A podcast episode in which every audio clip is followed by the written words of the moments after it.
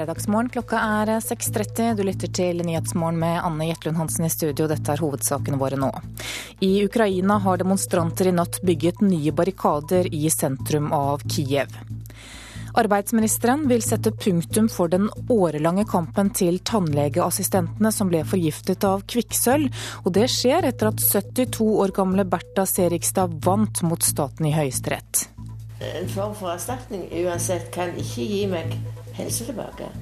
Jeg venter faktisk en unnskyldning fra dem, men jeg vet ikke om det er for mye å vente. Og med tre enkle grep så kan du nærmest eliminere risikoen for boligbrann. Følg med oss, så skal du få høre hvordan. Men først i denne sendingen nå skal vi til Ukraina. Demonstranter i Kiev har bygget nye barrikader i sentrum av byen i natt. Samtalene som opposisjonslederne hadde med Ukrainas president Viktor Janukovitsj i går kveld, nådde ikke frem. Sekker på sekker med snø blir lagt oppå hverandre for å styrke barrikadene rundt selvstendeplassen i Kiev. Demonstrantene var skuffa i går etter at samtalene med presidenten ikke nådde fram. Da opposisjonslederne som hadde sete i forhandlinger med presidenten, tala for demonstrantene i går kveld, ble de møtt med buing. Selv om opposisjonen gjorde lite framsteg i samtalene med presidenten, skal de likevel ha blitt enige om at all politivalg må opphøre, og at flere pågripne må settes fri. Reporter var Kjersti Hetland. I Egypt så har det akkurat vært en stor eksplosjon utenfor et politihovedkvarter i Kairo. Ifølge nyhetsbyrået AFP så er det snakk om en bilbombe som har drept minst én person. Egyptisk fjernsyn melder om at bevæpnede menn skjøt mot bygninger etter denne eksplosjonen. Flere tannlegeassistenter som har jobbet med kvikksølv, kommer til å få erstatning. Det sier arbeidsminister Robert Eriksson fra Fremskrittspartiet.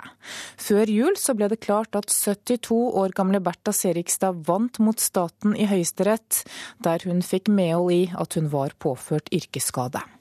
Men jeg skal i oppvaskmaskinen, f.eks., så er det et stort problem for meg. Og av og til må jeg slutte midt i. Gå og sette meg, eventuelt legge meg. Helseplagene gjør de enkle oppgavene i hverdagen vanskelige for Bertha Regine Serigstad. Jeg må ha hjelp til det meste. Etter årelang kamp vant 72-åringen mot staten før jul. Høyesterett slo fast at arbeidet med kvikksølv som tannlegeassistent hadde ført til yrkesskade. Jeg skulle gjerne ha ønska at eh, saken kunne vært eh, avslutta på et langt tidligere tidspunkt. Nå lover arbeidsminister Robert Eriksson at det skal settes punktum for sakene til kvinnene som på 60-, 70- og 80-tallet smelte og knadde kvikksølv uten verneutstyr. I første omgang får dommen i Høyesterett konsekvenser for 17 andre tidligere tannlegeassistenter. Jeg har forsikra meg om at Arbeids- og velferdsetaten eh, er i gang med å gjennomgå de sakene som er berørt av dommen. De har forsikra meg om at dette har den høyeste prioritet. Da snakker vi om måneder. Totalt mener rundt 150 tidligere tannlegeassistenter at de har krav på erstatning. Frp-statsråden ber òg de som tidligere har fått avslag, om å søke på nytt. Eh, dem vil jeg oppfordre om at de søker om yrkesskade på nytt, sånn at vi også får en riktig behandling også for de tilfellene. Nå håper jeg at eh, vi har fått en arbeidsminister som viser at han gjennomfører det han sier. Men han må få fart på sakene. Det sier Gerd Bang Johansen, som er leder i Tannhelsesekretærenes forbund. Etter at Brennpunkt i 2005 dokumenterte sammenhengene mellom helseplager og arbeidet med kvikksølv, meldte over 400 tidligere tannlegeassistenter seg. Hva er grunnen til at såpass mange har fallet ifra? Det er fordi at eh, veldig mange er gamle, de er veldig syke, og de klarer ikke kampen mot systemet og alle utredningene som skal til. Men jeg er jo veldig glad. Klart jeg er det. Jeg har jo vunnet en stor sak. For min del og for de andre jentenes del. Hjemme i Stavanger venter Bertha Regine Serigstad fremdeles på det endelige punktumet. Hun har ikke hørt noe fra staten eller Nav etter at hun vant i Høyesterett. Vi må få en avslutning. Dagene våre de vil bli sånn som de har vært. Det blir ingen forandring i de. En form for erstatning uansett kan ikke gi meg helse tilbake. Jeg venter faktisk en unnskyldning fra dem, men jeg vet ikke om det er for mye å vente. Reporter her, det var eh, Sølve Rydland. Over til deg nå, Kjersti Knutsen. Du er eh, journalist, og du og kollega Synnøve Bakke laget flere Brennpunkt-programmer om nettopp kvikksølvforgiftning av tannlegeassistenter. Og det var det som gjorde at disse sakene ble offentlig kjent. Og som vi hørte i reportasjen her nå, så sier også Arbeidsdepartementet at uh, ofre som har like saker som Bertha her, skal få erstatning. Hva betyr dette for de som er berørt? Det betyr ganske mye, fordi eh, det er veldig mange kvinner som har søkt om erstatning, like etter vi laget første program i 2005. Da var det ingenting som var kjent rundt denne saken, så de ble avvist både av leger og hele systemet med en gang.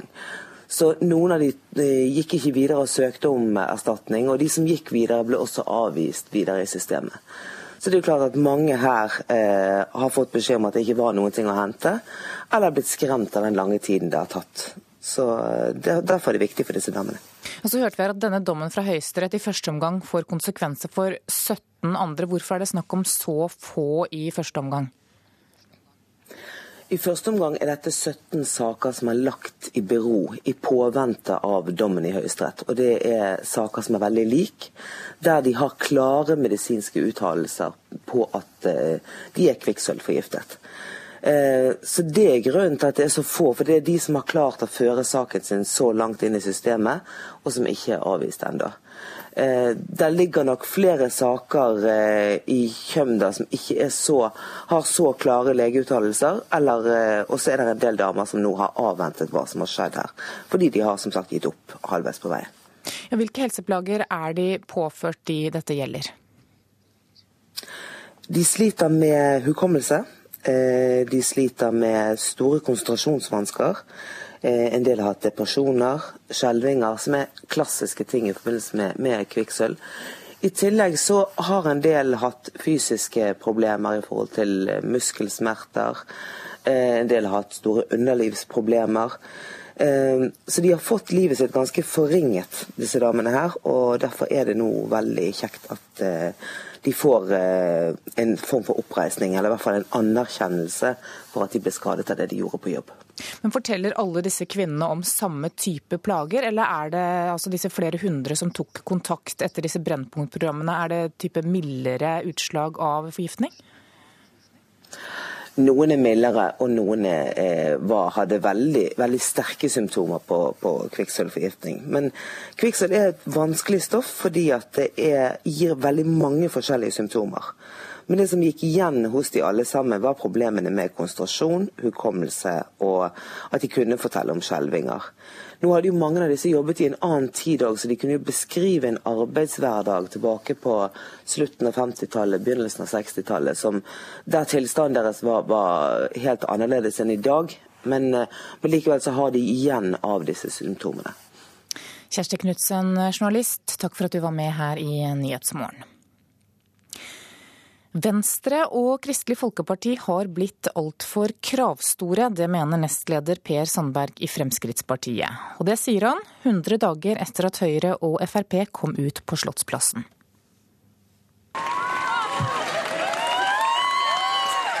Da tenkte jeg at jeg skulle si noen ord da Erna Solberg introduserte regjeringa den 16.10 i fjor, var det første gang i historien Fremskrittspartiet tok sine spede skritt ut på den store slottsplassen. Per Sandberg var ikke en av dem som sto der, men han som mange ser på som selve ur-Frp-en, langer nå kraftig ut mot de to partiene som regjeringa støtter seg på. Jeg tror at både Venstre og KrF har inntatt altfor mye tran, spist for mye ribbe i jula, og jeg tror at eh, vi må balansere det etter hvert. De to støttepartiene fikk til sammen 10,8% av stemmene ved valget, mens Frp fikk 16,3% Det vil gjerne Sandberg understreke. Nå tror jeg også at Kristelig Folkeparti og Venstre eh, bør måles ut ifra sin størrelse, og ikke hvor mye tran de inntar. Venstre og KrF har fått gjennomslag for å øke dieselavgifta og for å frede Lofoten, Vesterålen og Senja, men nå syns Sandberg de to småsøsknene begynner å bli litt vel irriterende. Jeg tror at eh, det Kristelig Folkeparti og Venstre fikk gjennomslag både i forhold til forhandlingene med Fremskrittspartiet og Høyre, og det gjennomslaget de fikk i eh, forhandlingene her i Stortinget, det bør de være betydelig fornøyd med. Jeg tror ikke de skal strekke strikken noe betydelig lenger. Nei, Jeg registrerer hva Sande sier. Jeg vil likevel legge mer vekt på det partilederen og finansministeren har sagt ved flere høve i høst, eh, at hun og Frp tvert imot er godt fornøyd både med samarbeidsavtalen og budsjettforliket. Det sier generalsekretær i Venstre Terje Breivik. Men det er en annen som virkelig får sitt pass påskrevet. I to runder her nå så har eh, Syversen fra KrF vært ute eh, og nærmest opptredd som at han er regjeringssjef. Blant annet så skal han korrigere Høyre sine representanter i forhold til hvorvidt de skal stilles fritt i forrige uke så var samme Syversen ut og sa rett og slett i forhold til liberalisering av eh, reklameforbudet på alkohol, at alle skjønner at dette her kan ikke KrF bli med på, og da blir det ingenting av det.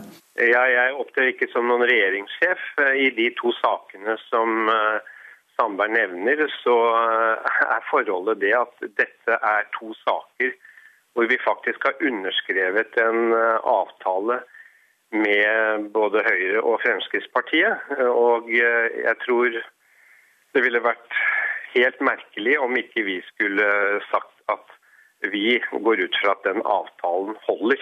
Det er altså ikke nye krav, slik det kunne høres ut som. Det er de eh, avtalene vi har underskrevet på. Sånn svarer altså KrFs parlamentariske nestleder Hans Olav Syversen. Men han lukker ikke døra helt for Sandberg. Spørs om ikke vi får ta en eh, kaffe i stortingsrestauranten. For eh, her tror jeg vi trenger å få skille litt eh, snørr og barter her. Og Venstre inviterer også, men ikke på kaffe.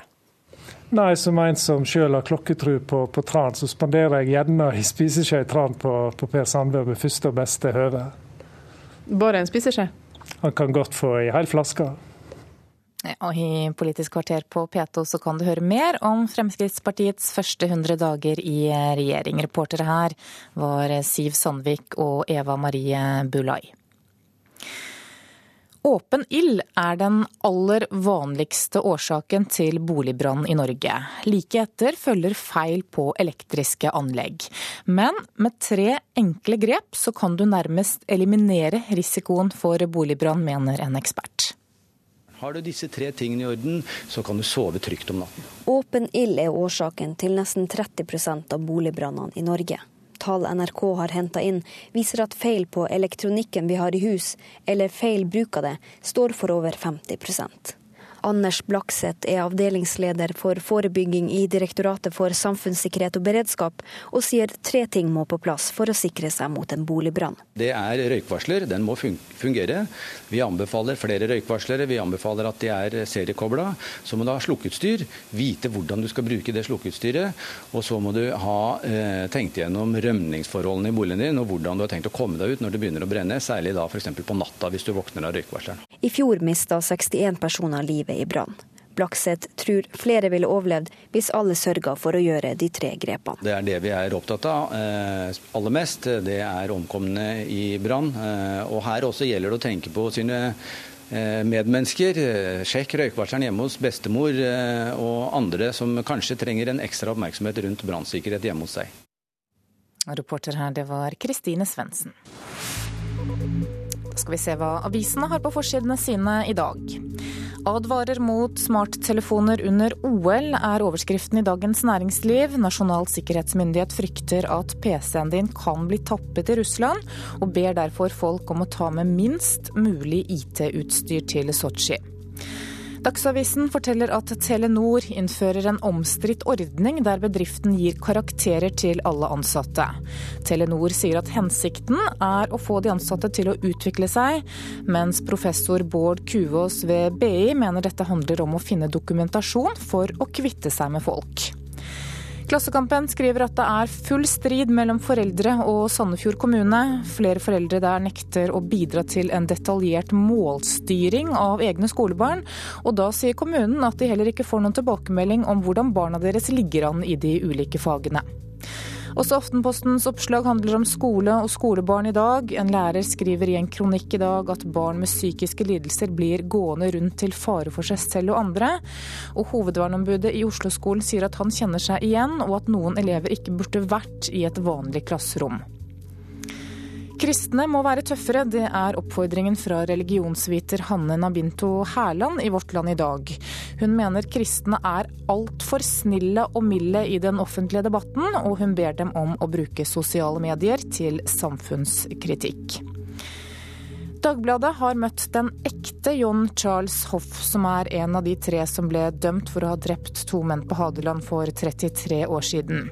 I går så ble det klart at en mann som har utgitt seg for å være Hoff i en film som Unni Askeland har laget, og den ekte Hoff, som nå er 52 år gammel og har fått seg et nytt navn, sier at saken har gitt ham følelsen av at noen ville ta livet av ham med pennen, og han kaller det for et rovmord.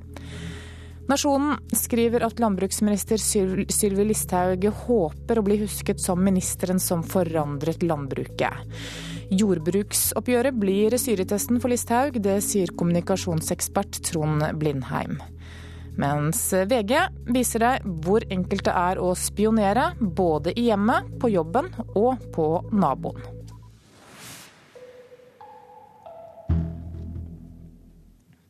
Da skal vi ha sport her i Nyhetsmorgen. Fotballforbundet lanserer i disse dager prosjektet Kvalitetsklubb. Utgangspunktet er å bedre kvaliteten i norsk fotball, med spesielt fokus på breddefotballen, forklarer fotballpresident Yngve Hallén. Det ligger veldig mye i navnet at det skal være kvalitet ute i klubben. Eh, mellom eh, trener og utøver, at det skal være det på ledelsessida. Eh, at våre verdier som skal ligge godt forankra. Det sier fotballpresident Yngve Hallén. Prosjektet Kvalitetsklubb skal bidra til en forbedring av organisasjon, kompetanse og verdier i fotballklubber over hele landet. Det er for at de syns det er kjekt at det er noen rammer rundt det. At det er noen, eh, også tilrettelagt noen ressurser som viser hvordan eh, en skal utvikle klubben sin og sette mål. Og eh, Fotballedere òg er veldig interessert i å sette seg mål og, og levere på de tingene. Så dette er et eh, sterkt ønske for klubbsida om at vi må få plass disse rammene. For å bli en kvalitetsklubb må en del kriterier oppfylles. Det gjelder krav om f.eks. trenerkompetanse og fair play. Håpet er å veilede klubbene til en bedre struktur.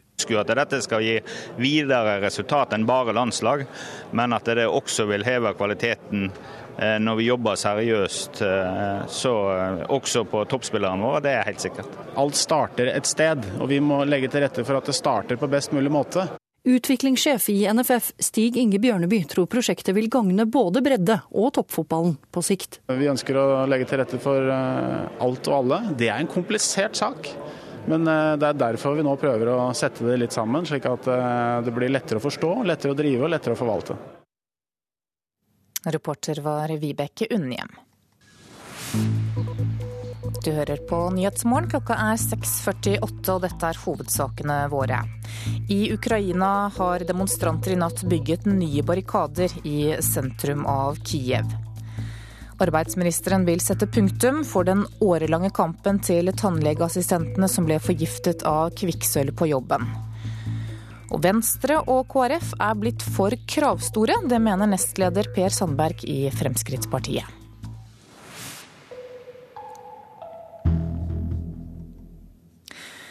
Filmen til Unni Askeland er enda mer interessant nå. Det sier tidligere vokalist i Turboneger Hans Erik Dyvik Husby. Han var til stede i går kveld for å støtte venninnen Unni Askeland da hun møtte pressen. Etter at det ble klart at mannen hun intervjuet var en bløffmaker, så ønsker hun ikke å vise filmen. Filmen blir gjemt og glemt. I går kveld skulle filmen Fair Story ha blitt vist på Galleri Fine Art i Oslo.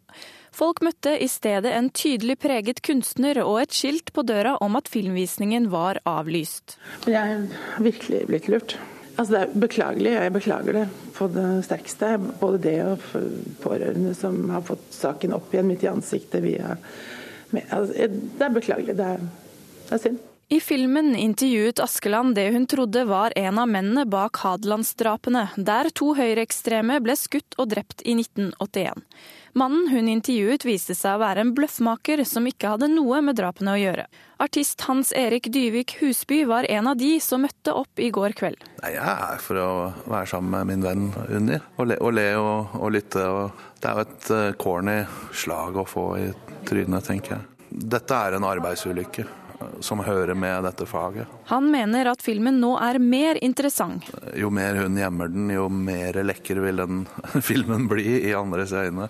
Denne filmen må få en ny tittel, en ny vinkling, og Unni må på en måte tolke hva som har skjedd, og, og kanskje klippe om filmen. For nå handler det om noe litt større og litt mer enn hva det opprinnelig skulle handle om. Det skulle handle om en morder, og nå handler det egentlig om en patologisk løgner.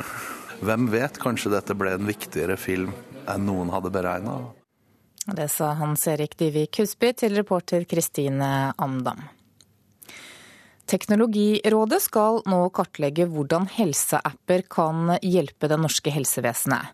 Men Norsk forening for allmennmedisin er kritisk til såkalt mobil helse. Ved hjelp av en smarttelefon så kan du nå diagnostisere deg selv når og hvor som helst. Jeg har lasta ned appen, og så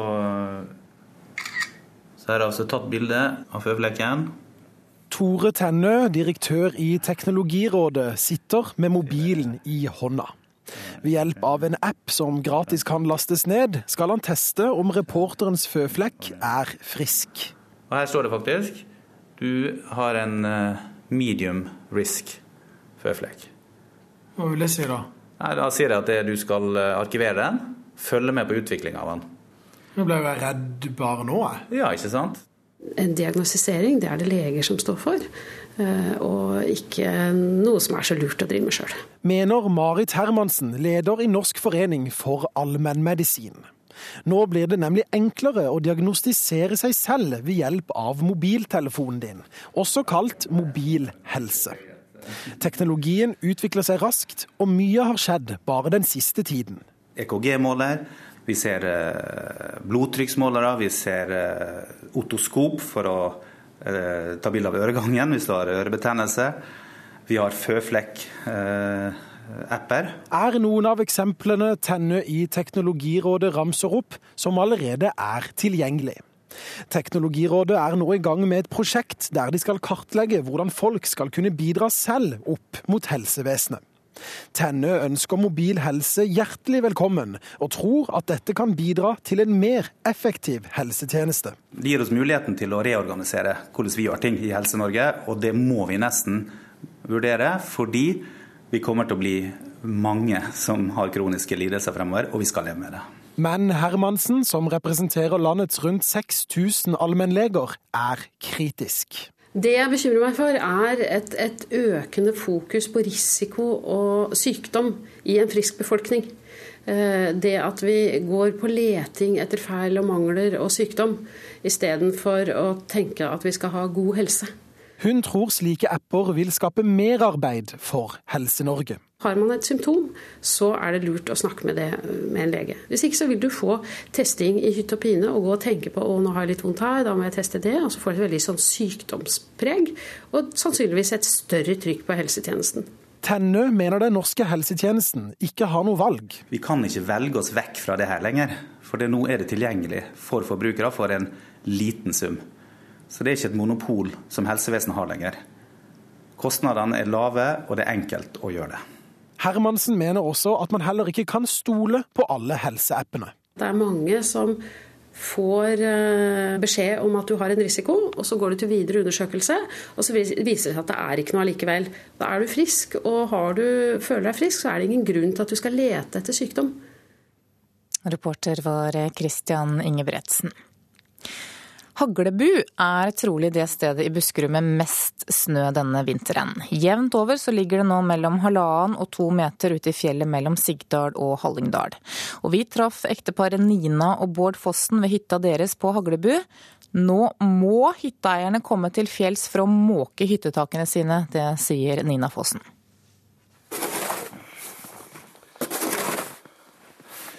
Du har måka mye i år, da? Ja, har jeg nesten ikke gjort annet, syns jeg. Men nå, i dag så er det lett snø. Det er ikke noe sånn tyngde på den. Ja, dette er jo bare moro, da. Ja. Men det er viktig at vega og rundt hytten og sånn blir måka. Ja, det er kjempeviktig. Ja, Men hvis du ser på taket deres, da, så der har det måka. der er vi måka. Det var eh, to meter på det meste. Å, fytti, hva så mye? Ja, det var det. Ja. Men da var det på sin plass å få det ned, da. Jeg tror eh, folk skulle tenke litt på det, iallfall. Ektemannen Bård Fossen er sikker på at Haglebu er den staden i Buskerud med mest snø for Augdeblinken. Ja, er det noen som har mer, så må de si ifra. Her har vi, så, her har vi vinterføre lenge. Du har målt den, du? Ja, altså 1,75 vil jeg tippe på. Men den har kommet på en måte i to omganger. Ja, den første som kom, den var veldig våt, og i store mengder. Så eh, for ca. en uke halvannen siden så kom eh, den lette, gode, fine puddersnøen. Så her er alle muligheter. Men eh, hvis vi går litt nærmere her, så har vi ei hytte som ligger i, i nærheten her. Og den er det alvorlig med mye, mye snø på taket på, du. Altså, jeg, jeg, ikke noe, jeg har ikke noe kunnskap om byggeteknikk osv., men jammen tror jeg at folk burde besøke hyttene sine og få måka litt snø nå, for nå er det, nå er det nok. Det må være borti to meter oppå den her. Ja, det der er to meter. Det er ingen tvil om. Og hvis du får skakk belastning, så tror jeg ikke det er bra. Nei. Men må jo måle den, da. Du har med en meterstokk i lomma, du. Du kan ikke ljuge på dette her. Nei, jeg tok, jeg tok med to, jeg. Ja, du tok med to, ja. For jeg tror vi trenger det. Jeg tror kan gjøre det. Så, Skal vi prøve? Ja, det må vi gjøre. Jeg måler på kanten her, for her har det ikke, her har det ikke vært brøyteplogg. Nei. Nei, men uh, 1,65, 1,70. 1,65, 1,70, ja. Det var som du sa omtrent. Ja, det tror ikke mye om å gjøre. Ja. Blir venta det mer snø? Ja, men du vet, det kan jo komme to meter heretter. Det er jo tidlig på året, og, og vi skal jo eh, ha med å seile påska, og fram til den tid så kan det ha kommet to meter. Ja. Altså, Vi er kjent for det at Haglebu har veldig mye snø. Men eh, som sagt, her er det mange som eh, bør ta seg en tur til fjells. Ja, jeg tror det, og det har jeg snakka med fagfolk om òg, at folk må se etter. Altså Folk som har campingvogner er veldig flinke til å se etter, og hyttefolket bør ta en tur nå i helga og, og måke litt. Det tror jeg er å anbefale. Ja, Vi hørte til slutt her Bård Fossen, reporter på Haglebu, det var Gunnar Grims Tveit. Da skal vi se på et værvarsel som gjelder til midnatt. Fjellet i Sør-Norge kan vente seg sørøstlig bris i dag. Kuling utsatte steder. I kveld sterk kuling, kan hende liten storm. Litt snø sør for Haukeli, og ellers oppholdsvær. I nordlige områder noe sol. Østlandet østlig bris, skyet, litt snø av og til og opphold nord for Hamar. Telemark østlig bris, perioder med frisk bris på kysten og litt snø. Agder østlig frisk bris, stiv kuling på kysten vest for Oksøy, vest for Lindesnes periodevis sterk kuling og litt snø.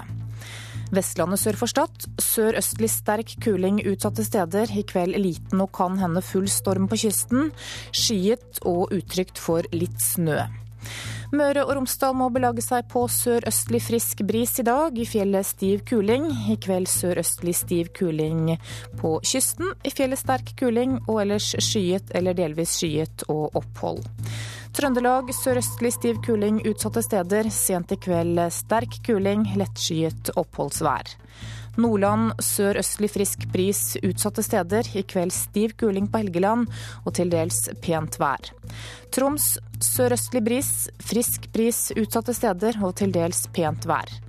Finnmark skiftende bris, stedvis sørlig frisk bris.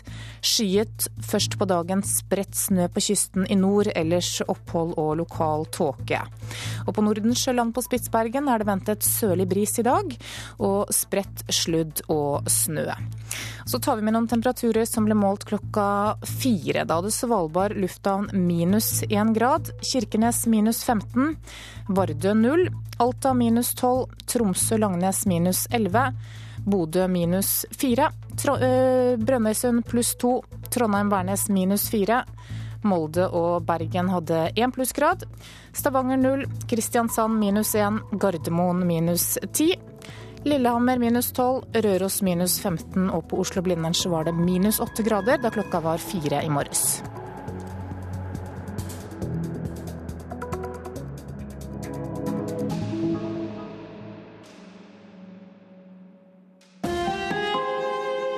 Hør ekko. Et godt menneske som tjener Gud, kommer til himmelen.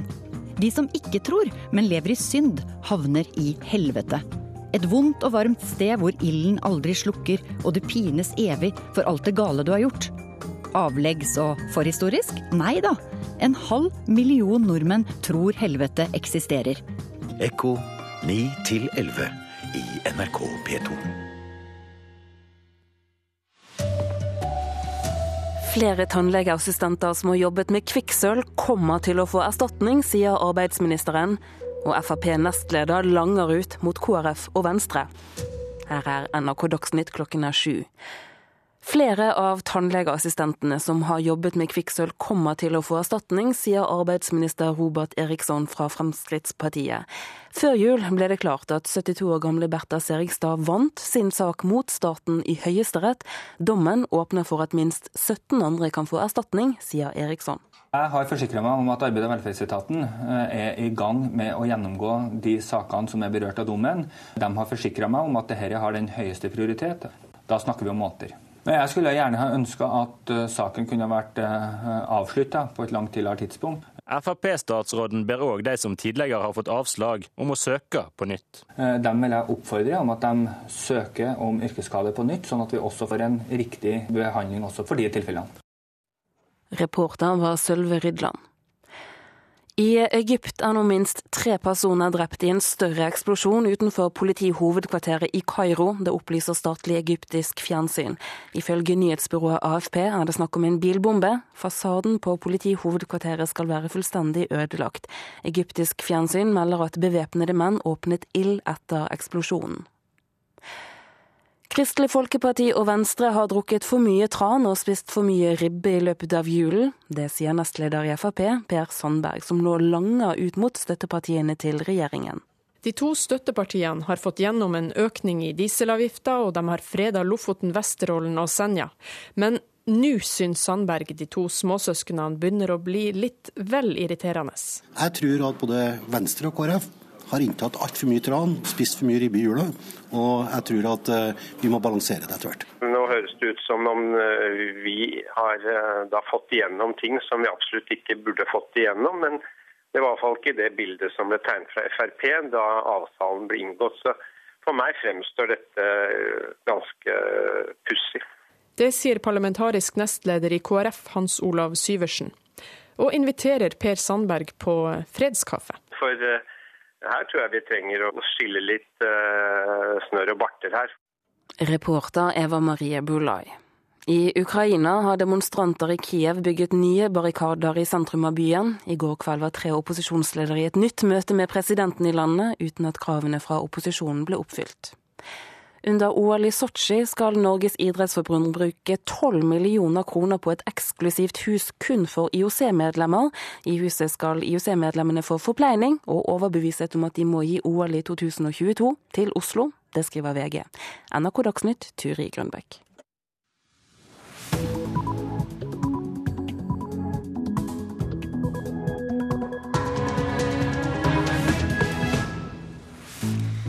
Klokka er 7.03. Du hører på Nyhetsmorgen med Anne Gjertlund Hansen, og det er disse sakene vi skal ha mer om den neste halvtimen. I Ukraina så er det bygget nye barrikader i Kiev i natt. Lærerne avviser kommunenes siste tilbud om arbeidstider. Og det kan bli en skjebnedag for Joshua French. I dag skal en norsk rettsmedisiner vitne i rettssaken i Kongo. Men først nå skal vi til Ukraina, for demonstranter i Kiev har bygget nye barrikader i sentrum av byen i natt. Samtalene opposisjonslederne hadde med Ukrainas president Viktor Janukovitsj i går kveld, førte ikke frem. Sekker på sekker med snø blir lagt oppå hverandre for å styrke barrikadene rundt selvstendeplassen i Kiev. Demonstrantene var skuffa i går etter at samtalene med presidenten ikke nådde fram da opposisjonslederne som hadde sete i forhandlinger med presidenten, tale for demonstrantene i går kveld, ble de møtt med buing.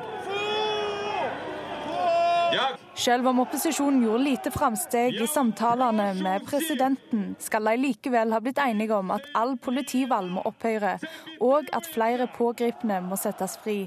I tillegg har lederen for Ukrainas nasjonalforsamling lova at den vil holde et ekstraordinært møte neste uke. Da skal demonstrantene sine krav, også kravet om at regjeringa må gå av, diskuteres. En ny omstridt lov som regulerer demonstrasjoner, skal også gjennomgås. Opposisjonens protestaksjoner starta allerede i november i fjor, da regjeringa sa nei til en samarbeidsavtale med EU. Reporter var Kjersti Hetland. Seniorforsker Tor Bukkvold ved Forsvarets forskningsinstitutt, velkommen. Takk. Tre opposisjonsledere hadde altså et nytt møte med president Janukovitsj i går kveld uten at det ble gjort store fremskritt. Hva skal egentlig til for at de skal bli enige om noe avgjørende? Jeg tror Det er flere ting som opposisjonen krever. De krever både nyvalg, de krever at de som er ansvarlig for eh, drap og for eh, den volden som har vært brukt mot demonstrantene, at de blir straffa. Eh, og de har òg en del andre krav. Jeg tror nok ikke de ser for seg at alle krav blir innfridd. Men eh, antagelig må nok regimet gå mye lenger enn de har gjort fram til nå. Og Det som må ligge bak her, tror jeg, er at eh, i, til forskjell fra 2004-2005, så styres det her mye mer fra det folket som står på Maidan. Det er her en, en demonstrasjon som starta nedenfra, og der opposisjonslederne mer har, kommet inn etter hvert.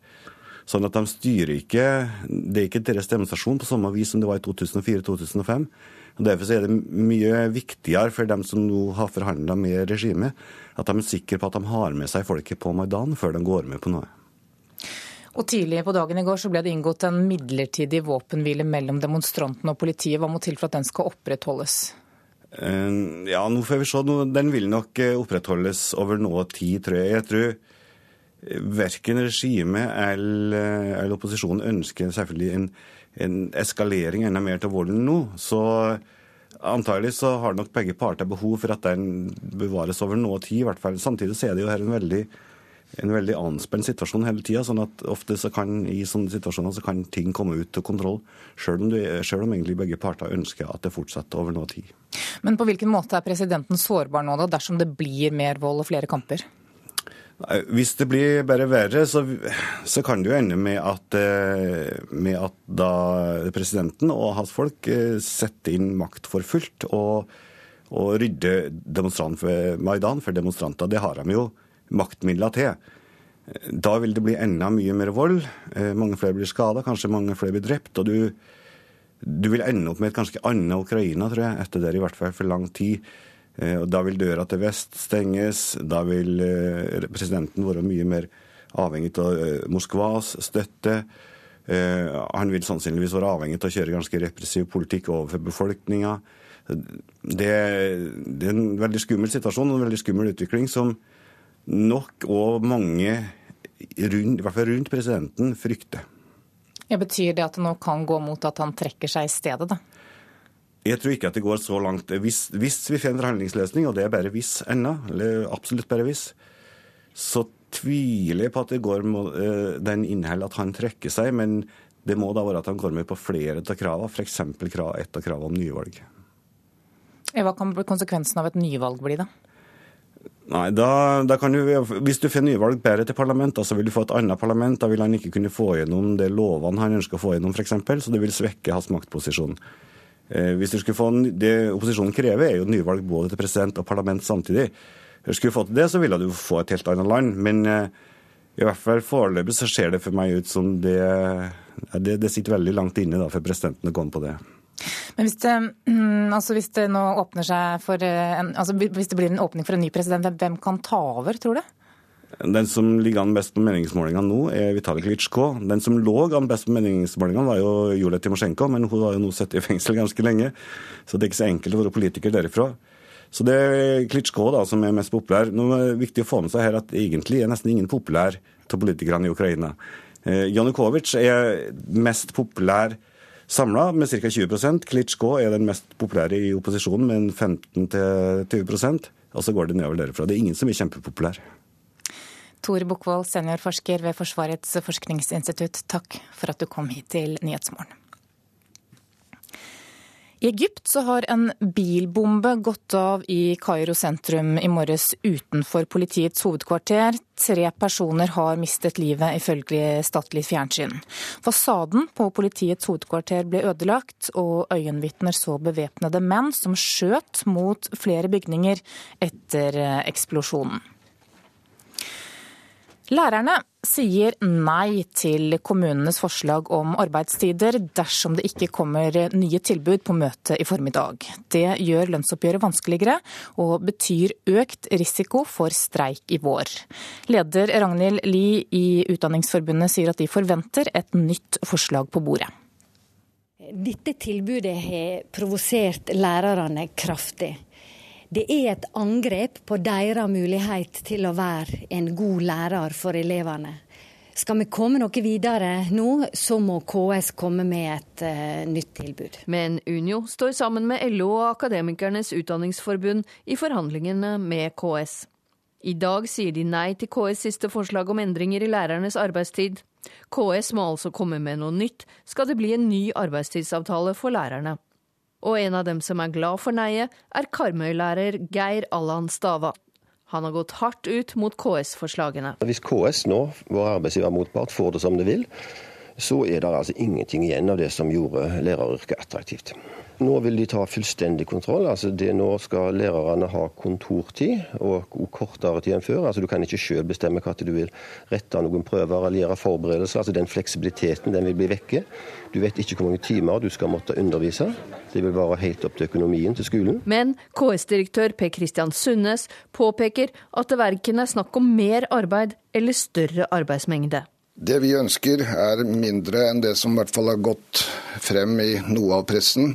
Vi ønsker at de kommunene som har etterlyst, og det er ganske mange faktisk, større fleksibilitet, større mulighet til å kunne tilpasse sin arbeidsorganisering til de lærerne man har, og til de elevene man har. og i hvert fall De som ønsker å gjøre noen lokale tilpasninger, skal ikke bli hindret av en sentral særavtale i å gjøre det. og Slik er det i dag. Men til de som sier at dette er bare et innsparingstiltak som rektor kan bruke for å spare f.eks. vikarer, for å spare utgifter til kurs osv., hva sier du da?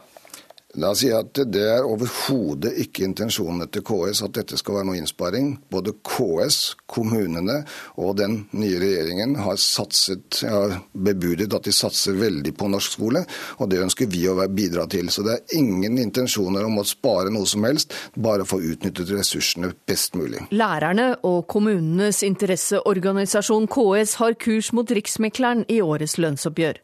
Slik ser det i alle fall ut allerede før lønnsoppgjøret er i gang. Ragnhild Lid leder Utdanningsforbundet. Nå skal jo vi forhandle i dag, så det gjenstår å se hva som skjer. Avstanden mellom eh, tilbudet fra KS og oss er svært stor. Reporter her, det var Hedvig eh, Bjørgum. Sjeføkonom Roger Bjørnstad i Samfunnsøkonomisk analyse. Lærerne sier jo at de gjør mye arbeid hjemme, og at dette forsvarer mange ferier. Hva syns du om det argumentet? Ja, nå har jeg selv tre barn på barne- og ungdomsskolen, så jeg kan skrive under på det. At eh, mange lærere jobber både tidlig og sent, og ikke minst i oppfølging av hver enkelt eh, elev. Eh, men samtidig så er jo det vi møter etter en lang lærerferie, en planleggingsdag. Eh, det må håndteres ved at eh, vi som jobber i andre yrker, må ta fri. Og dette illustrerer nemlig poenget, nemlig at det er en konflikt mellom eh, ferielengden til lærerne og ferielengden til andre arbeidstakere, da foreldre. Men Vi hørte KS si her at de ikke er ute etter å spare penger, men at de ønsker å utnytte ressursene bedre. Tror du dem på det? Eh, jeg tror nok at eh, i bunn og grunn så kan man spore disse argumentene, eller i hvert fall konsekvensene av dem, tilbake til eh, penger. Vi har jo en situasjon nå hvor vi har et press på offentlige utgifter i lang tid framover. Og samtidig så er det et økende behov for offentlige tjenester. Da er det spriket som oppstår mellom de hensynene, en effektivisering. Og det er klart at det å utnytte ressursene bedre vil jo kunne Eh, hente, hentes ut gjennom eh, bedre skole.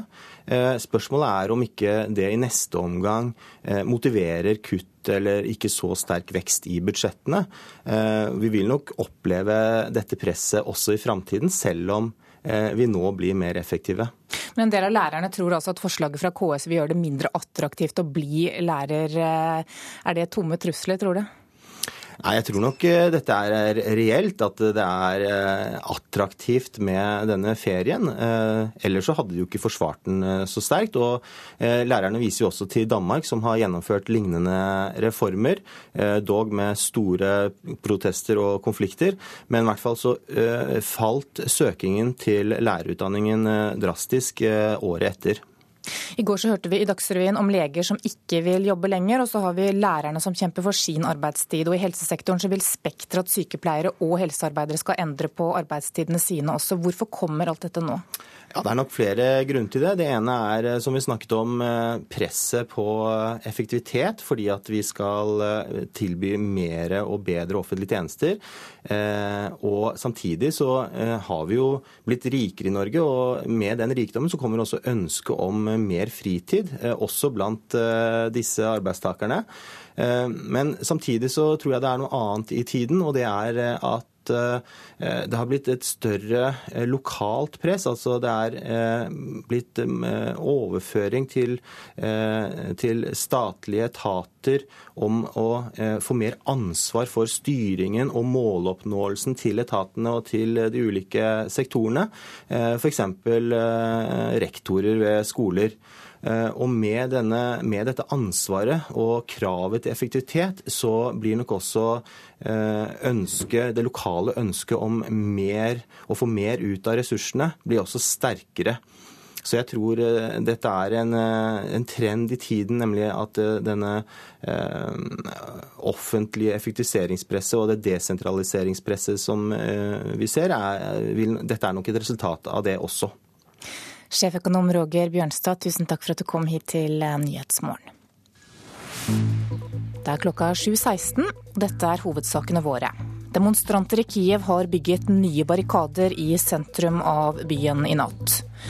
Tre personer er drept av en bilbombe i Egypts hovedstad Kairo. Og flere tannlegeassistenter som har jobbet med kvikksølv, kommer til å få erstatning. Det sier arbeidsministeren.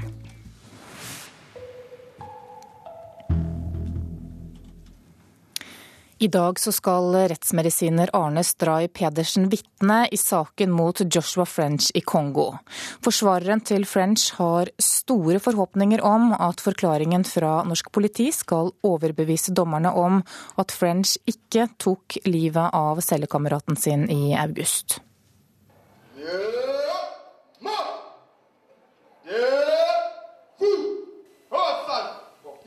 Når soldatene roper i dag, betyr det starten på en skjebnedag for Joshua French.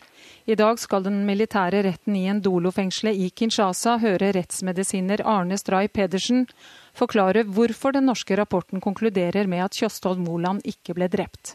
Dette er et vitnemål advokat Hans Marius Grosvold setter sin lit til.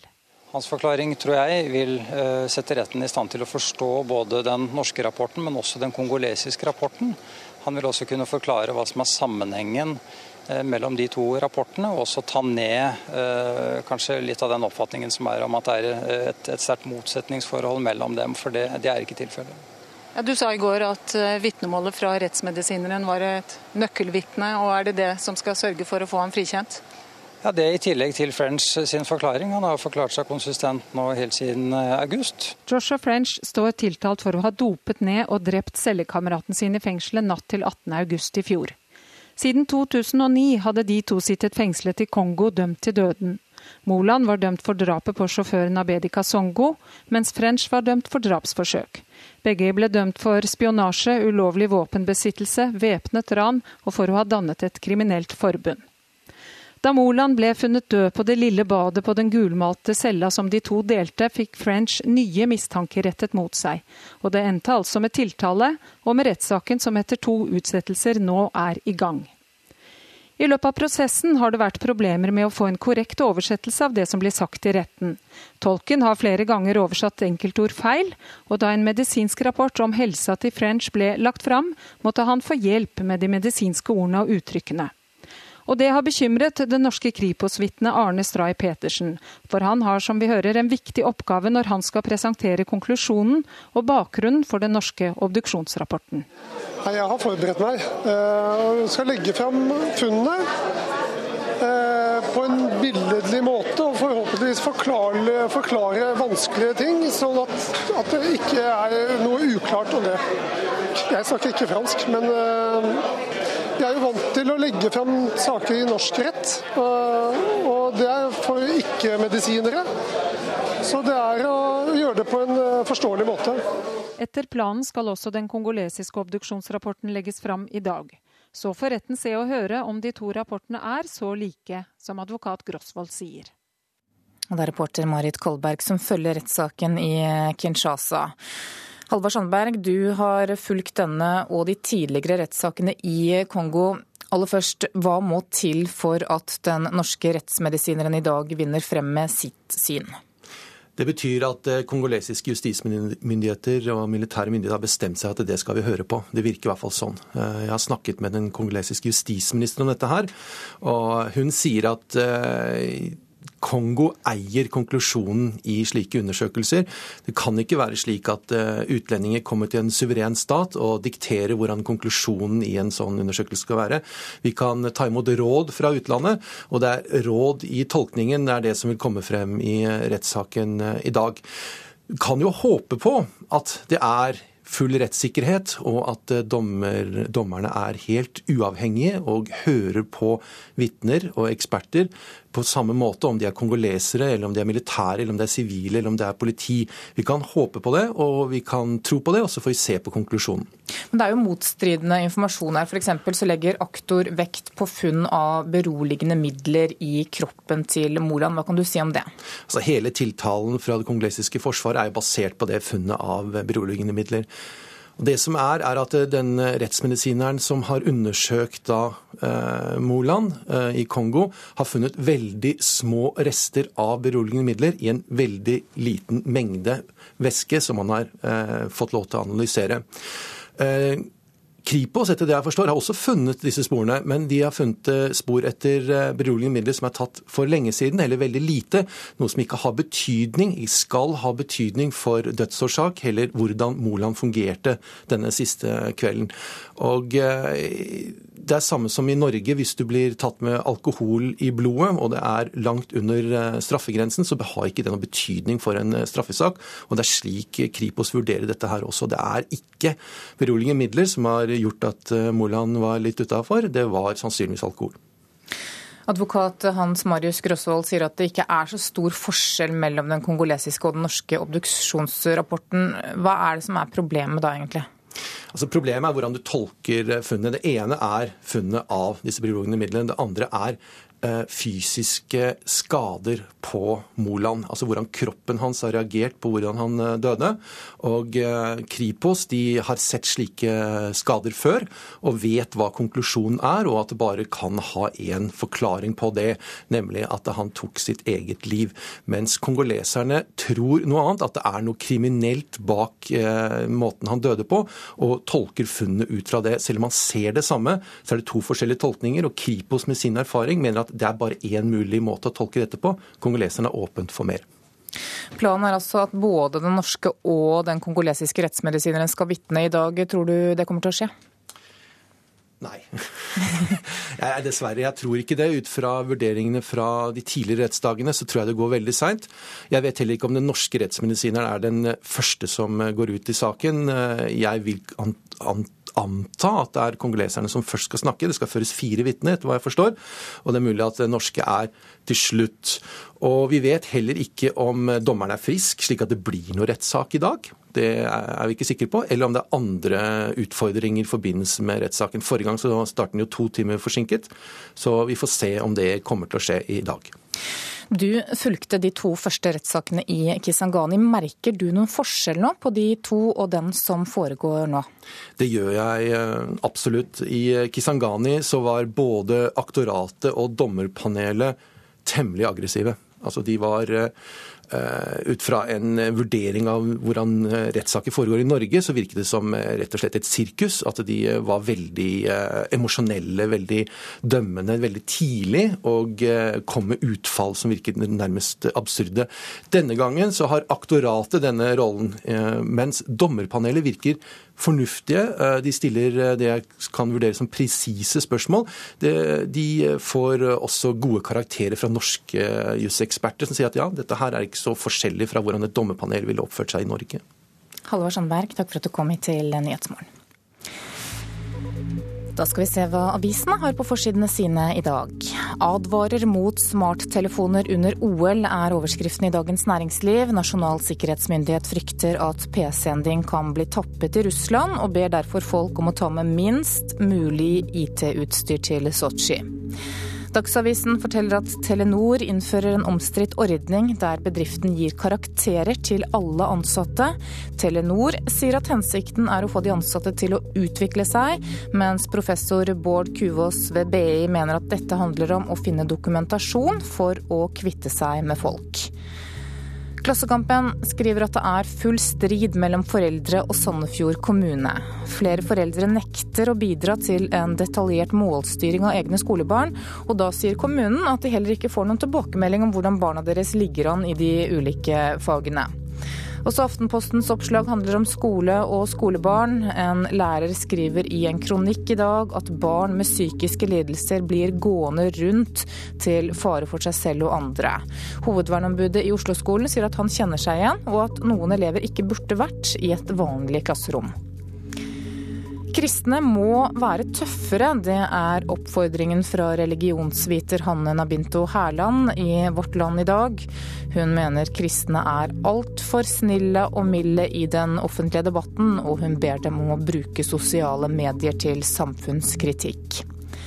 Dagbladet har møtt en ekte Jon Charles Hoff, som er en av de tre som ble dømt for å ha drept to menn på Hadeland for 33 år siden.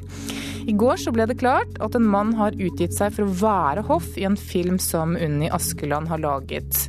Og den ekte Hoff, som nå er 52 år gammel og har fått seg et nytt navn, sier at saken har gitt ham følelsen av at noen vil ta livet av ham med pennen, og han kaller det for et rovmord. Nasjonen skriver at landbruksminister Sylvi Listhaug håper å bli husket som ministeren som forandret landbruket. Jordbruksoppgjøret blir syretesten for Listhaug, det sier kommunikasjonsekspert Trond Blindheim. Mens VG viser deg hvor enkelt det er å spionere, både i hjemmet, på jobben og på naboen.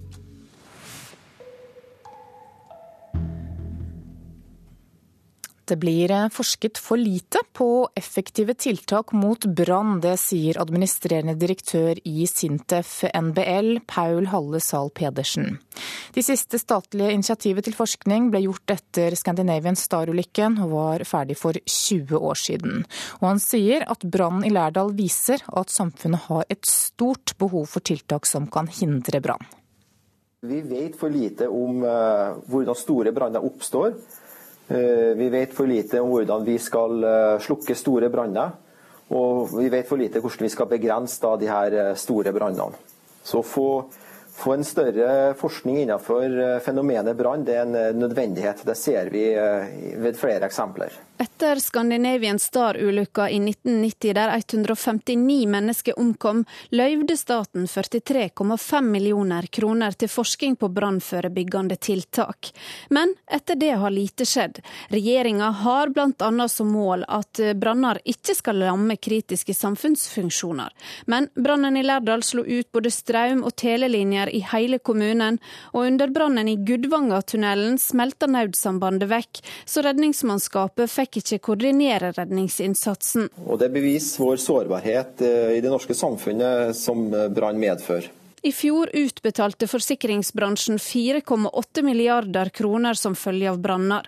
Zahl Pedersen mener å kunne dokumentere at forskning nytter. Vår erfaring er at brannforskning bidrar til bedre brannsikkerhet. Vi har flere eksempel på at eh, forskning eh, gjør det. F.eks. Eh, når vi hadde de her stygge ulykken med Scandinavian Star. Der hadde vi jo 159 omkomne.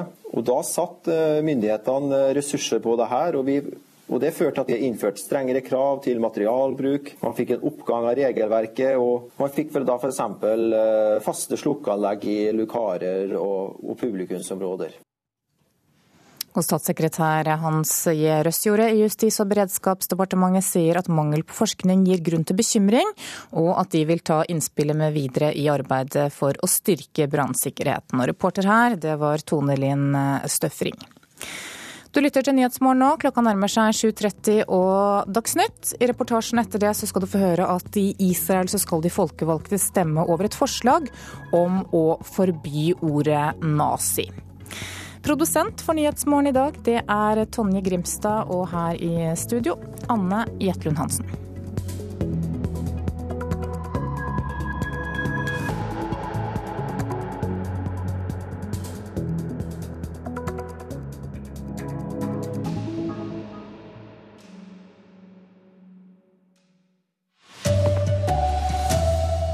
Arbeidsministeren vil sette punktum i kvikksølvsaken. Flere tannhelseassistenter får erstatning. Risikoen for skolestreik øker. Nå sier lærerne blankt nei til forslag om arbeidstider. Og i dag vitner rettsmedisiner i saken mot Joshua French. Riktig god morgen, her er NRK Dagsnytt klokken 7.30. Flere tidligere tannlegeassistenter får erstatning etter å ha jobbet med kvikksølv. Det sier arbeidsminister Robert Eriksson. Før jul vant 72 år gamle Bertha Serigstad mot staten i Høyesterett, en dom som åpner for at minst 17 andre kan få erstatning. Serigstad er glad for seieren, som sier at helseplagene hennes skyldes en yrkesskade.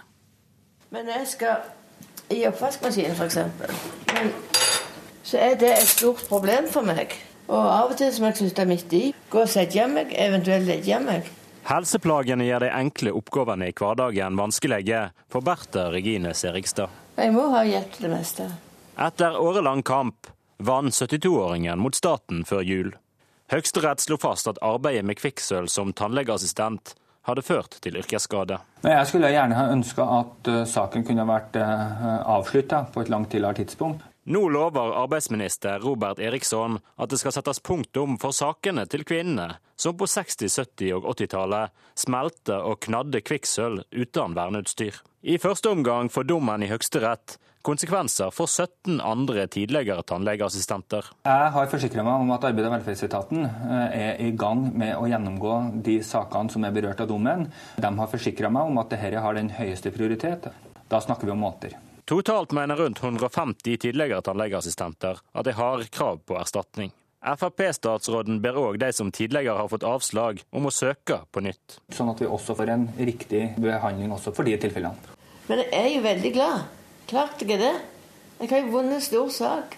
For min del og for de andre jentenes del. Hjemme i Stavanger venter Bertha Regine Serigstad fremdeles på det endelige punktumet. Hun har ikke hørt noe fra staten eller Nav etter at hun vant i Høyesterett. Vi må få en avslutning. Jeg venter faktisk en unnskyldning fra dem, men jeg vet ikke om det er for mye å vente. Reportere her var Sølve Rydland og Mariann Habbestad.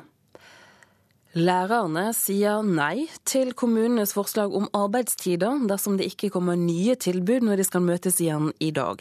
Dette gjør lønnsoppgjøret vanskeligere, det betyr økt sannsynlighet for skolestreik i vår dersom ikke Riksmekleren løser floken. Leder Ragnhild Lid i Utdanningsforbundet sier at noe nytt må på bordet. Dette tilbudet har provosert lærerne kraftig. Det er et angrep på deres mulighet til å være en god lærer for elevene. Skal vi komme noe videre nå, så må KS komme med et uh, nytt tilbud. Lærerne og kommunenes interesseorganisasjon KS har kurs mot Riksmekleren i årets lønnsoppgjør. Slik ser det i alle fall ut allerede før lønnsoppgjøret er i gang. Og årsaken er arbeidstidsforhandlingene, som trolig ender i brudd i dag, i stedet for i en ny avtale. KS ønsker at lærerne skal bruke større deler av dagens læreferie til forberedelser og etterutdanning, og heller jobbe mindre per uke i skoleåret enn nå. Det vi ønsker er mindre enn det som i hvert fall har gått frem i noe av pressen. Det sier KS-direktør Per Kristian Sundnes. Vi ønsker at de kommunene som har etterlyst, og det er ganske mange faktisk, større fleksibilitet, større mulighet til å kunne tilpasse sin arbeidsorganisering til de lærerne man har, og til de elevene man har. og i hvert fall De som ønsker å gjøre noen lokale tilpasninger, skal ikke bli hindret av en sentral særavtale i å gjøre det. Og slik er det i dag.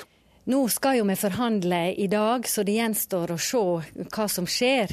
Avstanden mellom eh, tilbudet fra KS og oss er svært stor. Reporter Hedvig Bjørgum.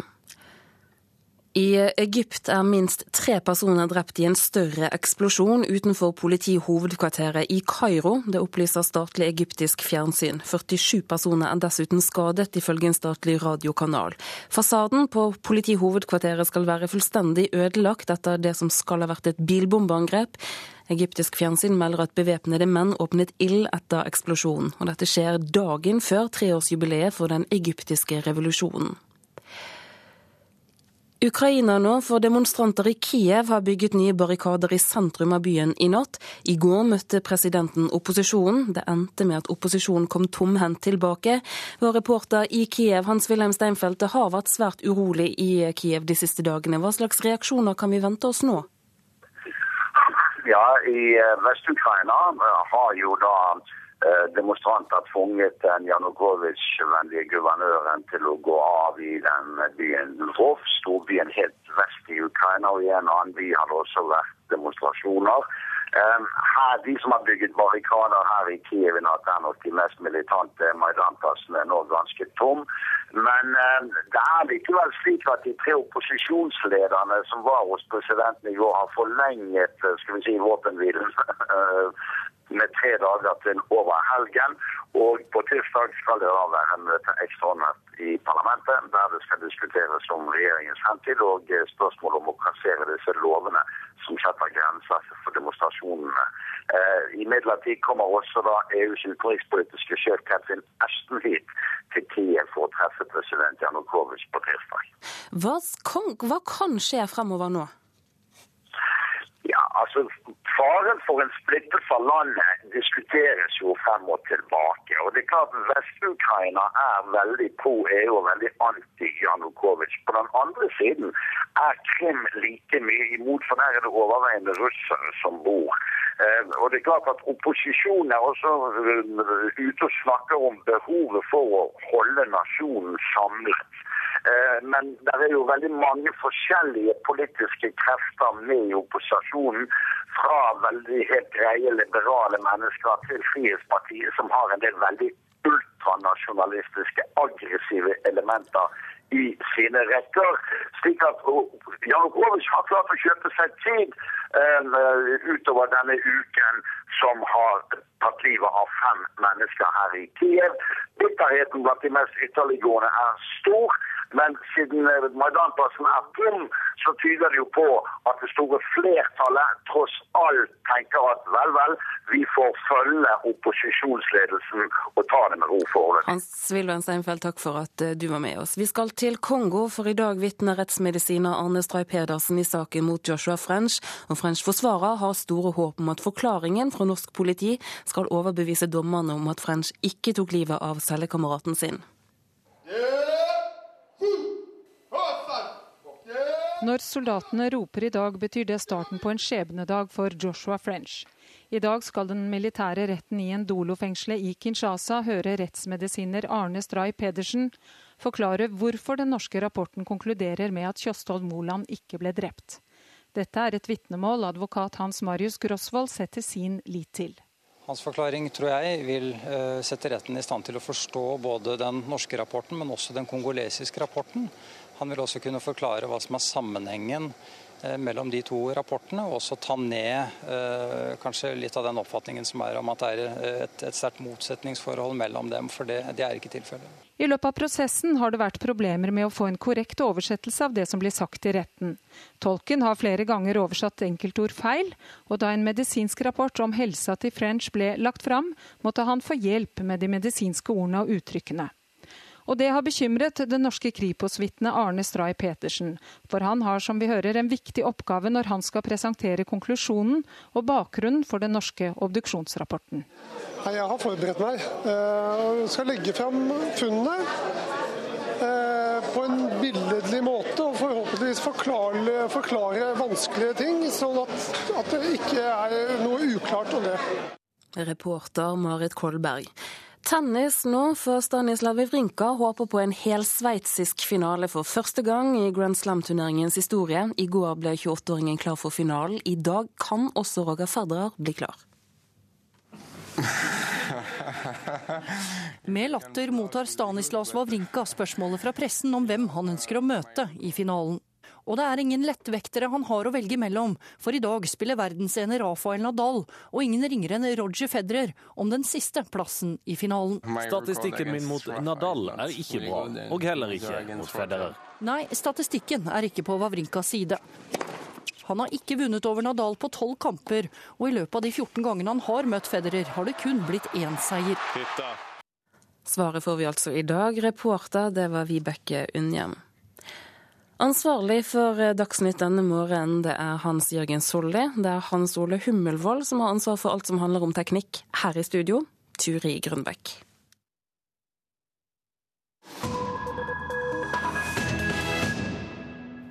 Klokka er 7.40, og i Nyhetsmorgen skal vi nå til Israel. For der så skal de folkevalgte stemme over et forslag om å forby ordet nazi. Og dette skaper debatt, for med loven så må også vitser, sketsjer og teaterstykker om nazitiden forbys.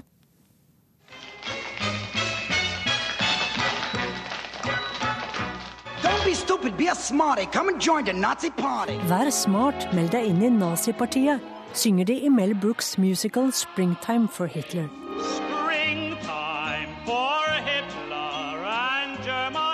Eller bedre kjent som The Producers. Men denne musikalen kan bli bannlyst i Israel, der de folkevalgte skal stemme over et lovforslag som forbyr all bruk av ordet nazi. Bare i undervisning, dokumentasjon og forskning skal man kunne anvende ordet. Om loven vedtas, blir det forbudt å rope nazi til soldater, som her.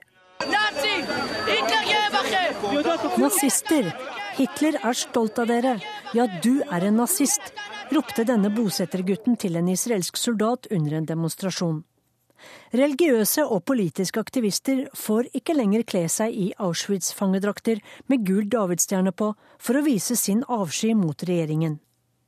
Å støtte Hitlers og nazistenes politiske mål, eller å beklage at målet ikke ble nådd, skal også forbys ifølge lovforslaget. Straffen for å kalle noen nazi er foreslått til seks måneder i fengsel, eller en bot på 170 000 kroner. Regjeringen støtter loven. Nå er det opp til de 120 folkevalgte i Knesset å vedta den. Mannen bak forslaget er Shimon Ohayon, født i Marokko, men medlem av Israel Beiteino, et parti hovedsakelig for russisktalende israelere.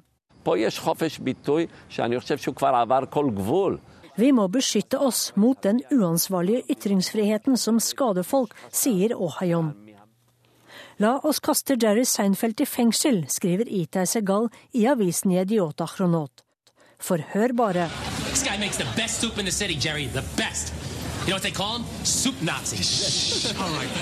I Seinfeld kaller de en morsk kaféeier for suppenazisten. Og nå kan vi ikke lenger gå med stripete pysjamas fordi det kan minne noen om en konsentrasjonsleir. Vi kan ikke fortelle vitser som hinter mot nazistene, skriver en oppgitt Segal. Som foreslår at man også forbyr ordet karbohydrat, siden karbohydrater heller ikke er bra for folk. Michal Rosin fra venstrepartiet Meretz mener loven er tøvete. Vi vet mest om holocaust. Hver dag blir vi minnet om jødenes skjebne her i Israel, sier Rosin til Associated Press. La oss først forby voksne å fortelle barn alle skrekkhistoriene fra holocaust om og om igjen. Og la oss stanse hjernevaskingen av ungdom som skal på Auschwitz-besøk, skriver Haaretz Benny Siffer. Han mener holocaust blir brukt og misbrukt som politisk og psykologisk skremsel i Israel. Og hvor mange ganger har ikke statsminister Benjamin Netanyahu kalt Irans tidligere president Ahmadinejad for vår tids Hitler? Netanyahu risikerer fengsel med den nye loven om han fortsetter å nære opp under israelernes frykt for iranerne, ved å sammenligne dem med nazistene. Kritikerne påpeker konsekvensene, og at alle Hitler-sketsjer vil bli forbudt. For parlamentarikerne bak loven tenker som John Cleese i den uforglemmelige Faulty Towers-episoden Don't mention the war. Sorry, I got a bit confused because everyone keeps mentioning the war. So could you? What's the matter? Will you stop talking about the war? Me? You started it? We did not start it. Yes, you did. You invaded Poland. Reporter her, det var Sissel Wold. Klokka er 7.44. Du lytter til Nyhetsmorgen. Dette er hovedsakene våre. Flere tannlegeassistenter som har jobbet med kvikksølv skal få erstatning. Det sier arbeidsministeren. Lærerne avviser kommunenes siste tilbud om arbeidstider, og det øker faren for streik. Og i Ukraina så har demonstranter i natt bygget nye barrikader i sentrum av Kiev. Vi skal få flere muligheter til å spille bort pengene våre, og det er ett av temaene i Politisk kvarter i dag, programleder Line Tomter. Regjeringen åpner for private lotterier. Ny forskrift som tillater konkurrenter til Norsk Tipping er underveis, og slik blir det politisk debatt av. Og etter 100 dager med Frp i regjering spør vi Arbeiderpartiet om det har blitt så ille som de fryktet.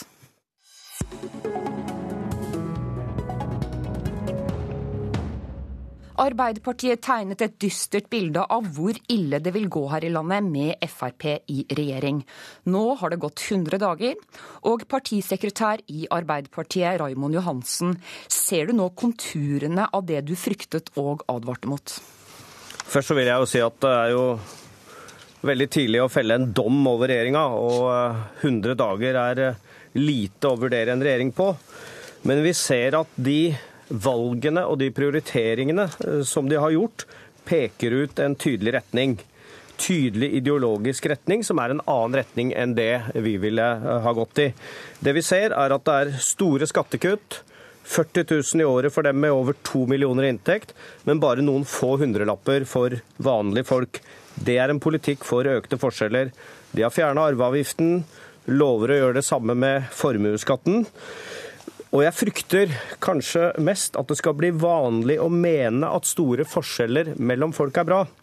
Fordi jeg mener at det å ha som politisk målsetting at å ha et samfunn med så små forskjeller som mulig, det er viktig, og det er svært krevende. Fordi det er så sterke krefter i samfunnet som jobber for økte forskjeller innenfor aksjemarkedet, boligmarkedet, kapitalkreftene. Og bare det å sørge for at forskjellene ikke øker, krever en stor politisk innsats. Og det mener jeg også er bra for stabiliteten og produktiviteten i samfunnet. Og jeg frykter også at land hvor forskjellene blir store, er mer konfliktfylte. Det er det første. Og det andre jeg har lyst til å si, er at det denne regjeringa vil se konturene etter 100 dager, er en svært umoderne familiepolitikk. Dyrere barnehager, 7000 færre plasser, avlyst to opptak i året. De øker og utvider kontantstøtten, kutter pappaperm, svekker kvinners rett til selvbestemt abort at det er, det, dette er negativt for kvinners deltakelse i arbeidslivet, og det er negativt for produktiviteten og for norsk økonomi, og det er større forskjeller i barns læring. Men dette må vi la Ketil Solvik-Olsen, samferdselsminister og nestleder i Frp, få svar på.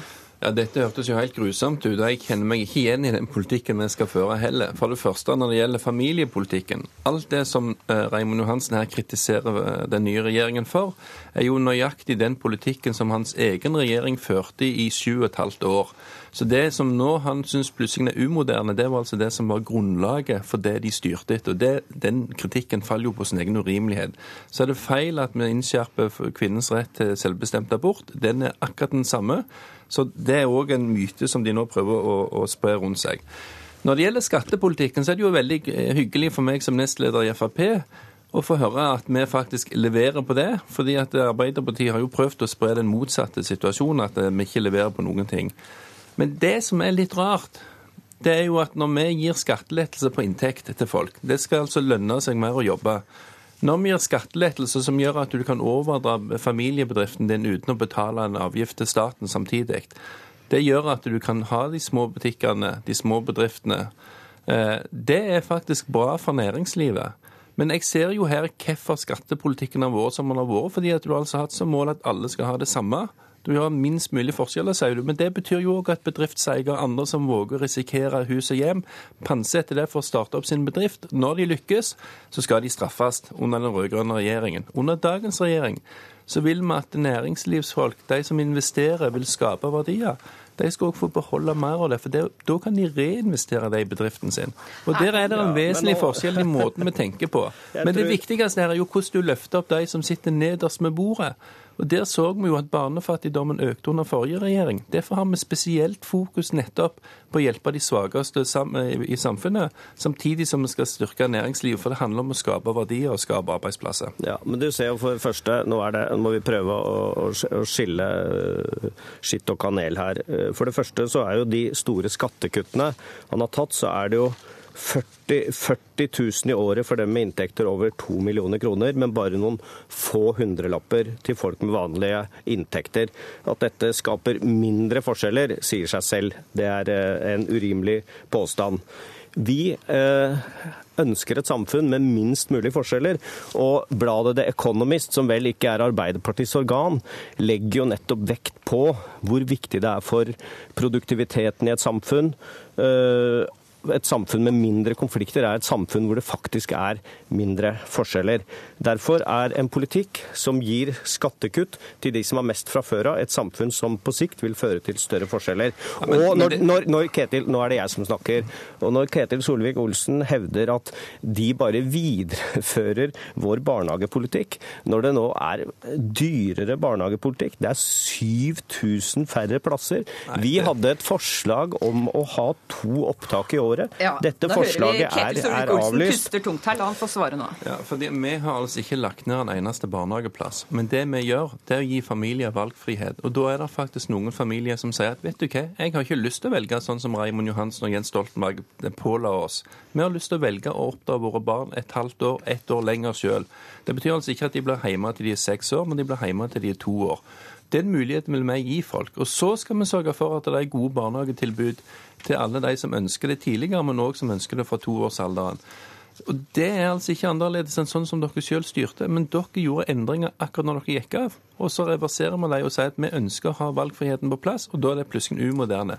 Den debatten blir kunstig. Nå skal, men, vi, litt, nå, nå skal vi litt videre, karer. For i nyhetene i morges så hørte vi at FrPs andre nestleder Per Sandberg uttale at regjeringens samarbeidspartnere Venstre og KrF bør jekke seg ned. Jeg syns eh, rett og slett at Kristelig Folkeparti og Venstre har eh, tatt til seg altfor mye makt. Men nå tror jeg også at Kristelig Folkeparti og Venstre eh, bør måles ut ifra sin størrelse, og ikke hvor mye tran de inntar. De bør jekke seg ned litt? Ja. Ketil Solvik-Olsen, hvor enig er du med din partikollega Per Sandberg? Jeg registrerer at Venstre nå i det siste har vært ute og sagt at de skal bli tøffere i forhandlingstonen. Jeg syns det er viktig at vi viderefører den gode dialogen og samarbeidet vi hadde og skapte på Nydalen. Jeg, Venstre og KrF har fått sine gjennomslag, men jeg er kjempefornøyd med det Frp har fått til. Vi har altså fått på plass et investeringsselskap for veibygging. Vi har fått på plass infrastrukturfond. Vi får til strengere asylpolitikk. Flere skal sendes ut. Hvis du lyver på søknaden, så skal du få avslag. Vi får en kraftig satsing i helsevesenet. Vi framskynder bygging av pleie- og, og omsorgsboliger. Er, og vi får gode skattekutt som stimulerer folk til å jobbe og næringslivet til å investere. Alt dette i sum er jo det vi har kjempa for i 40 år, som har prøvd å få andre regjeringer til å gjennomføre uten lykke. Nå får vi det til. Det at Venstre og KrF får også betalt for å gi oss støtte, det er naturlig. Men jeg tror ikke at Venstre skal begynne å, å bli mye tøffere og tro at de skal få mye mer gjennomslag. Da må de inn i regjering eventuelt. Raymond Johansen, vi hører første antydning til kjekling mellom Frp og samarbeidspartnerne Venstre og KrF. Hvor vanskelig tror du at dette samarbeidet blir i lengden? Altså, jeg har jo hele tida hevdet at både KrF og Venstre eh, har mer til felles med den politikken eh, vi står for, og eh, hadde håpet et samarbeid der. og Det overlater jeg for så vidt til Venstre og KrF å finne ut hvor de får mest igjen. Men jeg tror nok ganske mange Frp-ere og Frp-politikere og Frp-velgere eh, nå er litt eh, overrasket over det som har skjedd de eh, første 100 dagene. Det at de kanskje fortsatt ser at de betaler bompenger, at mulla Krekar fortsatt befinner seg i landet og at de som har lite, bare får 50 øre om dagen osv. Ja, men, men, dette ble jo bare tull. Men vet du hva, vi skal videre i sendingen. Det var alt vi rakk om eh, Frp i regjering i denne omgang. Takk Ketil Sølvik-Olsen og Raymond Johansen.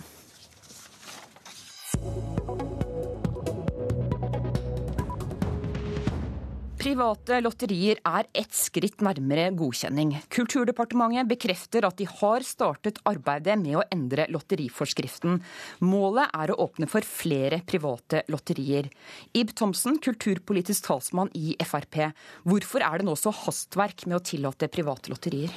Nei, det er jo ikke noe hastverk, men vi syns det er greit å komme i gang med det. Vi vet at det spilles for 5-7 eh, milliarder kroner i utlandet. Vi ønsker også en trygghet for de spillerne som spiller der, så vi vil ha en gjennomgang av eh, spill, spill i Norge. Så ser vi jo at, eh, at, det er flere aktører som ønsker å være med og bidra i det, i det norske samfunnet. Og da er det liksom til glede for spillerne. Vi ønsker å ta sosiale hensyn. Og vi ønsker ikke minst eh, inntekt til frivilligheten, humanitære organisasjoner og samfunnsnyttig og idretten. Så, så dette mener vi er en sånn vinn-vinn-sak for alle, hvis man tør å gå gjennom dette. Og det har man nå gjort i Sverige og man har gjort det i Danmark, og funnet ut at eh, det er det beste for spillerne og for å kunne bidra til samfunnet. Til det beste for spillerne, hører vi Rigmor Aasrud, kulturpolitisk talskvinne i Arbeiderpartiet. Hvor enig er du at dette er til det beste for folk og spillere? Jeg er veldig uenig i det. Jeg mener at dette verken er til det beste for folk som har problemer med spilleavhengighet. Og så mener jeg det er et eh, stort angrep på den finansieringsmodellen vi har for norsk idrett og andre frivillige organisasjoner i Norge. Så jeg er uenig i det man gjør. Nå har jo ESA også bedt Norge se på, på sitt regelverk, og jeg mener at eh, på lotterisida så bør vi heller stramme inn istedenfor å liberalisere, sånn som Fremskrittspartiet og regjeringa nå sier man skal gjøre. Vi ser jo at det er en del private spill eh, i utlandet eh, som ønsker å inn i Norge, og det er mye betenkeligheter med det. God del av overskuddet går tilbake til private eiere, penger som blir ført ut av landet og inn i private lommer. Og jeg mener at de penga som eh, overskudd av spill bringer i Norge, bør eh, flyttes ut til lokale lag og foreninger, og ikke til utlandet. Ib Thomsen? Det er jeg helt enig i. Og når vi vet at det spilles fra mellom 5 til 7 milliarder kroner i utlandet fra, fra, norske spillere som ikke kommer tilbake til Norge, ingenting, da må vi gjøre noe. Og vi vet at disse spillerne lever også i en usikkerhet. Du bør ikke være noen PC-ingeniør for å kunne spille på utenlandske selskaper. Det er, altså, det er åpne PC-en din, og så kan du begynne å spille. Disse pengene genererer ikke noe til frivilligheten rundt omkring i landet, verken på Voss eller på Gjøvik. Men er det ikke fint da, Rigmor Aasrud, å få et sånt post postkodelotteri som det er snakk om her, som eh, gir en del av pengene til ideelle organisasjoner?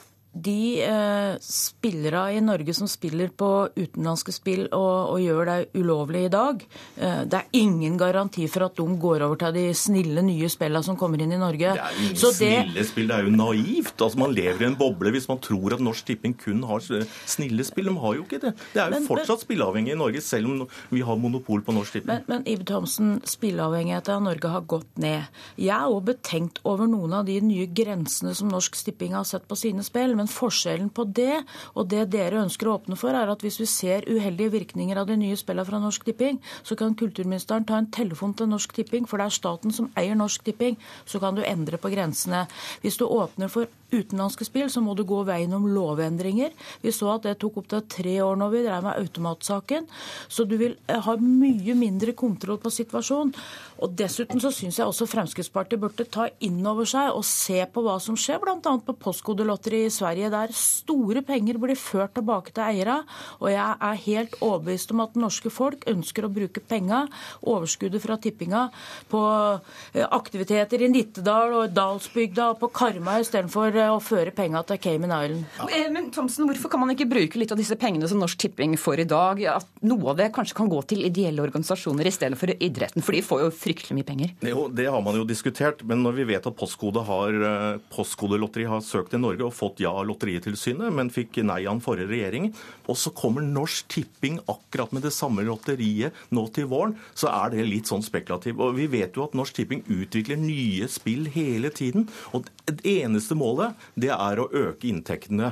Og Det ønsker vi å være med og bidra til. og Vi syns at Norsk Tipping kan utvikle seg, men vi syns også at disse pengene som spilles i utlandet, 5-7 milliarder kroner, bør generere noe tilbake til, til norsk frivillighet. Så, så det... Ja, det er utop, jeg Jeg mener at det er eh, et, en gambling det som Fremskrittspartiet og regjeringa nå ønsker å åpne for. For det er jo sånn at eh, vi bruker de penga som Norsk Tipping gjør, som får som overskudd nå, går jo tilbake til norsk idrett og andre humanitære og kulturelle organisasjoner som er medlemsbaserte, der det gjøres en betydelig frivillig innsats. Penga føres også tilbake til frivilligheten i Norge. Og andre organisasjoner uten medlemmer har andre finansieringskilder. Hvis vi skal gjøre om på dette her nå, så må man se om en større del av f.eks. idretten skal finansieres over statsbudsjettet, sånn som man har måttet gjort i Danmark fordi man mister penger. Her bør regjeringa se til Finland. Finland har en enerettsmodell, strenge regler rundt enerettsmodellen, og er en av de landene i verden som gir mest tilbake til frivilligheten. Så når regjeringa er opptatt av å lære fra Finland i andre sammenhenger, så bør de gjøre det her og ikke se til de landene som har åpna opp, der inntektene har blitt mindre. Det sies at uh, allerede til våren kan dette komme, at regjeringen jobber nå raskt for å, for å endre denne forskriften. Eh, Men det er jo en effektiv regjering. Ja, det er en effektiv. Men det, det dere skal være sikre på, det er motivet for denne sittende regjering. Det er at man har en ordning, man har et regelverk for de utenlandske selskaper som opererer i Norge. Så det er jo, Jeg kan ikke skjønne at man ikke vil ha kontroll også på de som allikevel opererer her. Og så genererer man da pengene tilbake til frivilligheten, idretten. Ja, Vi rekker faktisk ikke mer i dag. Politisk kvarter er over. Takk Rigmor Aasrud og Ib Thomsen. I studio satt Line Tomter. Hør flere podkaster på nrk.no podkast.